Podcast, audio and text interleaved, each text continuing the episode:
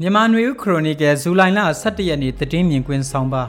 အာဆီယံနိုင်ငံသားရေးဝန်ကြီးများအစည်းအဝေးနဲ့မြန်မာနိုင်ငံရေးချင်းပြည်နယ်တိုင်းငင်းမှာစစ်ကောင်စီကင်းစခန်းတိုက်ခိုက်ခံရဆိုတဲ့ခေါင်းစဉ်နဲ့သတင်းဆောင်ပါမှာအခုလိုရေးသားဖော်ပြထားပါတယ်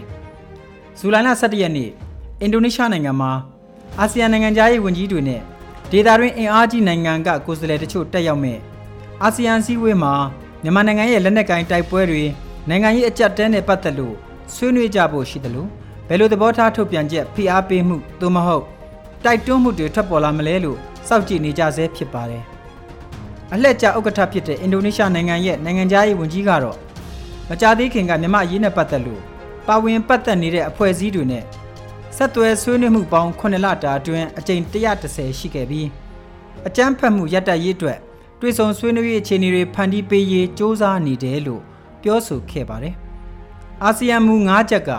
နှစ်နှစ်ကျော်လာသည့်တိုင်အကောင့်ထဲပေါ်နိုင်တဲ့အနေအထားတိုးတက်မှုမရတာဟာစစ်ကောင်စီဘက်ကပူးပေါင်းဆောင်ရွက်မှုမရှိတဲ့သဘောမျိုးအများကကောက်ချက်ချထားကြပြီးအာဆီယံဖွဲ့ကဒီလမ်းကြောင်းပေါ်ကနေဆက်လက်စ조사မယ်အနေအထားလည်းဖြစ်ပါတယ်။အန်ယူဂျီနိုင်ငံသားရေးဝန်ကြီးဖြစ်သူဒေါ်စင်မာအောင်ကတည်င်းမီဒီယာနဲ့ဆက်သွယ်မေးမြန်းခန်းမှာလောလောဆယ်အနေအထားကတော့တွေ့ဆုံဆွေးနွေးမှုဖြစ်ပေါ်နိုင်တဲ့အနေအထားမဟုတ်သေးပဲ။ စစ်ကောင်စီကတွေ့ဆုံဆွေးနွေးရေးလမ်းကြောင်းပေါ်ရောက်လာအောင်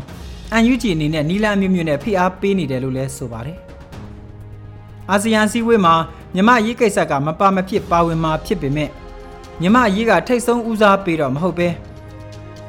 တောင်တရုတ်ပင်လယ်ကအရှေ့တောင်အာရှပင်လယ်ပြင်ပိုင်ဆိုင်မှုအငင်းပွားတဲ့ပြဿနာက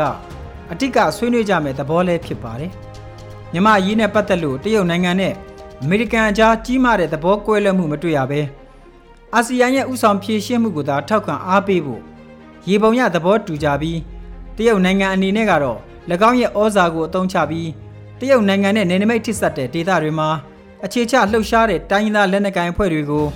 တွေ့ဆုံဆွေးနွေးရေးလမ်းကြောင်းပေါ်လက်နက်ကိုင်ပဋိပက္ခရော့ကြရေးလမ်းကြောင်းပေါ်ရောက်အောင်တီးခြားစ조사နေတာလဲရေပုံရအားဖြင့်မြင်တွေ့နိုင်တာဖြစ်ပါတယ်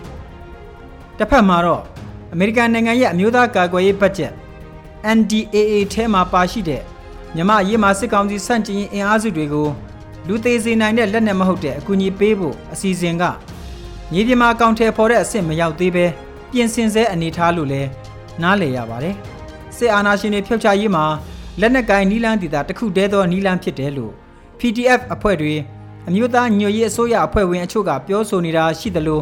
အခုလိုတန်တမန်နီလန်းတွေ့ဆုံဆွေးနွေးရေးလမ်းကြောင်းပေါ်ရောက်လာဖို့ကြိုးပမ်းနေတဲ့ တိုက်တွန်းနေတဲ့အဖွဲ့အစည်းတွေနိုင်ငံတကာအစိုးရတွေမှာလည်းရှိနေကြတာဖြစ်ပါတယ်။အခုလိုအာဆီယံမှာမြန်မာအရေးနဲ့ပတ်သက်လို့ဆွေးနွေးနေကြအချိန်မှာမြန်မာနိုင်ငံထဲမှာတော့လက်နက်ကင်တိုက်ပွဲတွေနဲ့တိုက်ပွဲတွေကြောင့်သို့မဟုတ်စစ်ကောင်စီရဲ့စစ်ကြောင်းတွေဝင်ရောက်လာလို့ထွက်ပြေးတိမ်းရှောင်နေရတဲ့ဖြစ်ပျက်တွေနေရာအနှံ့ပြားဆက်လက်ဖြစ်ပွားနေစေဖြစ်ပါတယ်။ဒီနေ့မနေ့အစောပိုင်းကကလေးနဲ့တီးတိန်ဟာခါသွားတဲ့လမ်းကလမ်းကွဲရွာဖြစ်တဲ့တိုင်းငင်းကျွေးရွာကစစ်ကောင်စီစခန်းကို ချင်းပြည်နယ်ကစစ်ကောင်စီစန့်ကျင်ရေးလက်နက်ကိုင်အဖွဲ့ချုပ်ပူးပေါင်းပြီးတိုက်ခိုက်ခဲ့ရမှာစစ်ကောင်စီဘက်ကရောချင်းလက်နက်ကိုင်အဖွဲ့တွေကပါထိခိုက်မှုတွေရှိခဲ့ပြီးချင်းလက်နက်ကိုင်အဖွဲ့ရဲ့ထုတ်ပြန်ချက်အရတော့စစ်ကောင်စီဘက်ကအသေးပြောက်များတယ်လို့ဆိုပါတယ်စစ်ကောင်စီတပ်ဘက်ကတေဆုံးတဲ့အရေးအတွက်အတိအကျကိုသတင်းတွေမှာအတိမပြုတ်နိုင်သေးပေမဲ့ချင်းကာကွယ်ရေးတပ်ဖွဲ့တွေဘက်က၄ဦးကြဆုံးတယ်လို့သတင်းများမှာဖော်ပြထားကြတာတွေ့ရပါတယ်စစ်ကောင်စီဘက်ကလေကြောင်းအကူအညီပါယူပြီးတိုက်ခိုက်ခဲ့တယ်လို့လည်းဆိုပါတယ် ချင်းပြည်နယ်မှာတမြို့နယ်တမြို့ဆက်သွယ်ရေးတည်ယူပို့ဆောင်ရေးမှာ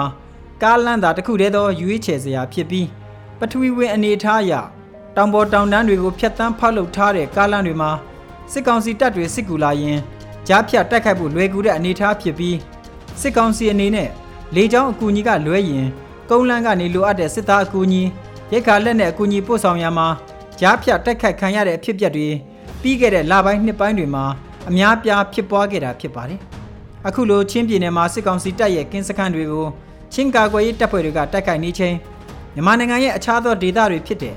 ကချင်ပြည်နယ်လိုင်ဇာမြို့နယ်ဆယ်မိုင်ကျော်သာကွာဝေးတဲ့နမ်ဆန်ယန်တဝိုက်မှာစစ်ကောင်စီတပ်တွေနဲ့ KIA တိုက်ပွဲတွေဖြစ်ပွားနေတယ်လို့ကရင်ပြည်နယ်ညောင်လေးပင်ကျိုင်းစိတ်ကြီးရှမ်းပြည်မြောက်ပိုင်းကြောက်မဲမြို့နယ်မှာ TNLA နဲ့စစ်ကောင်စီတပ်တွေတင်းမာမှုတွေဖြစ်ပေါ်နေတာလည်းဖြစ်ပါတယ်